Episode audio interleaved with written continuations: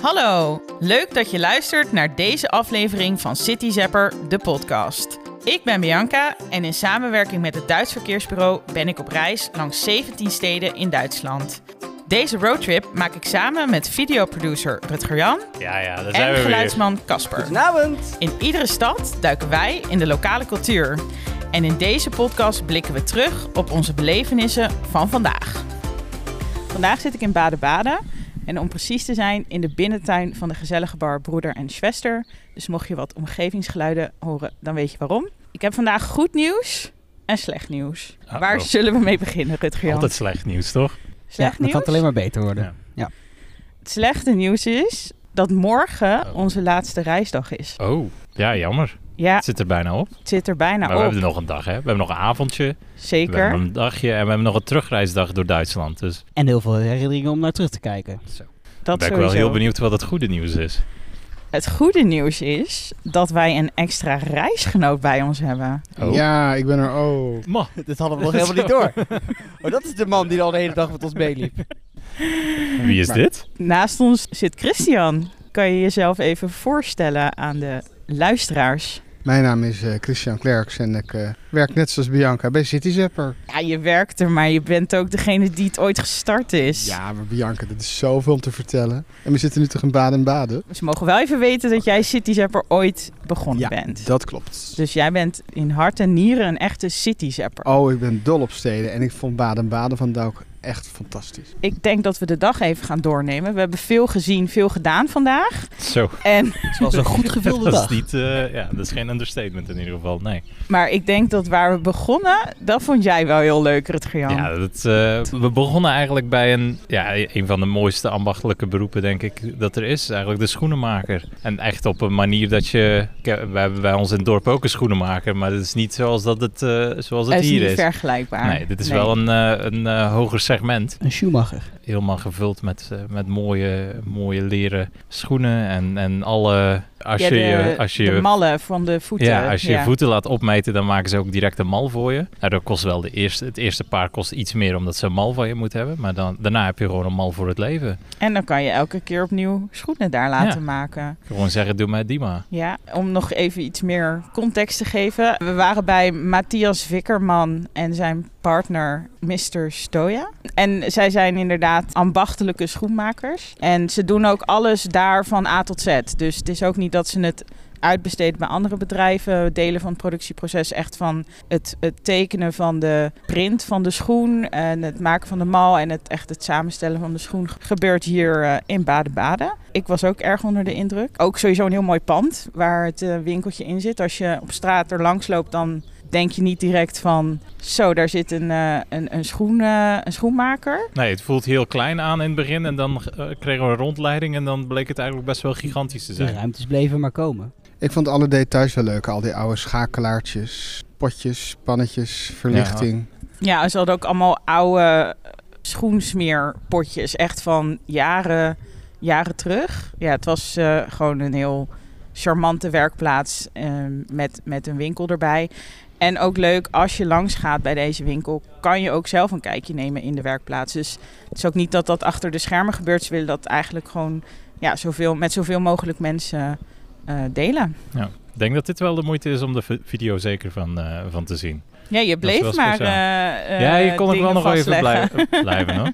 Ja, maar Christian heeft ook de ervaring. eh, Ja, Gekregen, mijn voeten zijn opgemeten. Oh, dat is waar. Dat was ik bijna er. vergeten. je wilt al verder wandelen, maar eh, Dus eh, Nee, Over- we blijven over- nog even staan in de Over acht maanden staan... eh, over acht maanden staat dit paar schoenen maar klaar. Maar ik, wat kostte het? Een paar schoenen was... Het opmeten aan Was- zich was 600 euro. Dus die hebben we in de tas. Dat, die zit al in de tas. En dan daarna het eerste paar schoenen. Of ja, elk paar schoenen is rond de 2200 euro. Oh. Dus je eerste paar is 2800 euro.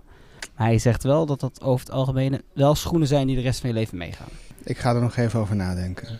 Je kan het wel helemaal stylen zoals je zelf wil. Dat is zonder Ja. meer waar. Ja, na ehm, Matthias gingen we door naar Joachim Altvater. Net buiten Baden-Baden bij Schloss Neuweier. En daar merkte ik dat Christian wel echt heel enthousiast was. Ik werd heel enthousiast. Want wat ik het leuke vind aan baden baden is dat je in in de stad zit. Maar als je er buiten wil, dan ben je eigenlijk 10 minuten in de auto. Dan zit je in de wijngaarden. Een mooi kasteel, fijn terras, lekker eten. Ik eh, zie mezelf hier nog wel een keer terugkomen. Ja, midden in het Zwartwoud. Ook wel Ja. leuk om te vermelden. Toch wel een van de bekendere natuurgebieden in, eh, in Duitsland. En Schloss Neuweier, waar wij dus het interview hadden met eh, Joachim. Dat is eigenlijk een plek waar culinair Duitsland samenkomt. Je hebt er een wijngaard. Ze maken zelf de wijnen. Een restaurant waar je lekker kunt eten. Ze maken trouwens ook snaps. En je kan s'avonds overnachten. Ja, dus je hoeft niet meer in de auto als dat nodig is of terug naar de stad. Maar dat vind ik juist wel het leuke eraan. Ja, alles kan. Alles kan. Alles is mogelijk. En jullie hebben ook wat geproefd, geloof ik, hè? Wij hebben ook zeker even een wijntje geproefd. Ja, ik vond het een heel smakelijk uh, rozeetje had ik. Ja? Lekker knisperend. Ja, ik had een, een witte wijn genomen. En die smaakte... Ik weet, ik weet niet welke druif ik, ik heb gekregen. Maar hij smaakte heel anders dan waar we waren in Freiburg Oenstroet. Oh. Ehm, hij was wat, wat frisser, wat klein zuurtje eh, zat erin. Dus ik vond het wel heel leuk dat we na het vorige wijngebied waar we waren nu hier zijn beland. En dat je dan eigenlijk heel goed de, ja, de verschillen tussen die twee wijngebieden kon proeven. Ja, en ze maakten er ook een blanc de noir. En dat is ook altijd wel een lekkere witte wijn. Want het is eigenlijk een witte wijn die wordt gemaakt op basis van het proces van rode wijn. En daardoor heeft hij een licht rozig kleurtje, maar heeft wel de smaak van een gewone witte wijn. Ah. Een blanc de noir. Lekker. Ja. Ik had ook wel zoiets van, ik wil hier nog een keer uh, terugkomen. Echt een uh, mooie, leuke plek. Ja, ik ben eigenlijk wel benieuwd, Casper, wat is jou het meeste bijgebleven van vandaag? Ja, rond dat slot zijn we eigenlijk een rondje gaan lopen. En wat ik dan heel leuk vind om te zien, is dat de, de chef liep eigenlijk door de tuin. En liet ook gelijk alle verse kruiden zien. En hij vertelde ook dat een groot gedeelte van de groenten die ze serveren in het restaurant, dat het daar vandaan komt. Ja, dat vind ik altijd heel leuk om te zien. En zeker dan met dit weertje erbij. We hebben vandaag weer uh, bijna tropische uh, temperaturen mogen meemaken hier in het uh, zuidelijke Duitsland. De zonnige zuiden is het ja, toch? zonnige Mhm. zuiden. Mm -hmm. Dus dat, ja, dat heb ik wel echt van genoten, ja. Maar als je vraagt naar een hoogtepunt, ja. dat was dan toch wel het feit dat we een van de bergen hierop mochten. De Mercure, geloof ik dat het uh, de berg heet. De Mercureberg. Daar gingen we met een soort van, ja, een soort van treintje op. Ik heb als eerdere tijdens de podcast laten weten dat ik treinen wel leuk vind. Nou, dat is, vandaag is die, die wens vervuld. We zijn met een, uh, een kabelbaantreintje de berg opgegaan en dan kregen we een prachtig uitzicht. Ja, en, en het ritje zelf vond ik ook wel, wel spectaculair. Het ging toch wel echt heel stijl. Uh, het was de omhoog. meest steile funiculair volgens mij van Duitsland, zei ze. Oh, oké. Okay. Ja. Nou, Zo. een tof ritje met echt een heel mooi uitzicht bovenop over de stad. En we hebben vandaag ook geleerd waarom het Schwarzwald het Schwarzwald heet. Dit verhaaltje heb ik even gemist. Ja? Ja, het is, het is, het is ons uitgelegd, maar ik was naar de boom aan het kijken.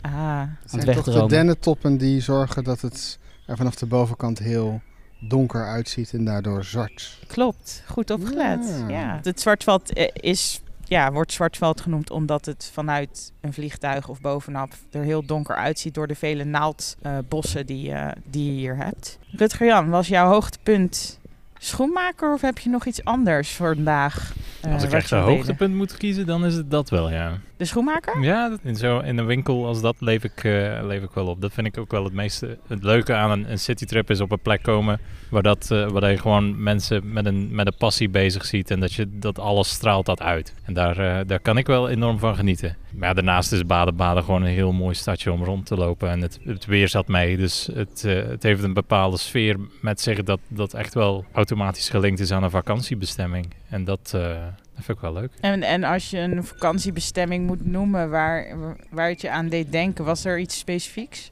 Ik vond het een beetje, eh, met dit weer had het wel een beetje Côte d'Azur eh, uitstraling op bepaalde punten. Ja. De zaakjes dat die zijn, zijn ook wel wat, wat van eh, in het hogere prij- prijsklasse. Het, het, is een ja, straalt wel iets uit. Ja, zeker. Nee, eens. Het do- doet mij ook denken aan de, aan de Côte d'Azur eh, en de sfeer die daar ja, bij hoort. Ja. Dat is ook wel een opmerking die eh, een van de locals... Dat eigenlijk het enige wat er mist om van, van Baden-Baden een kuststad te maken is de kustlijn.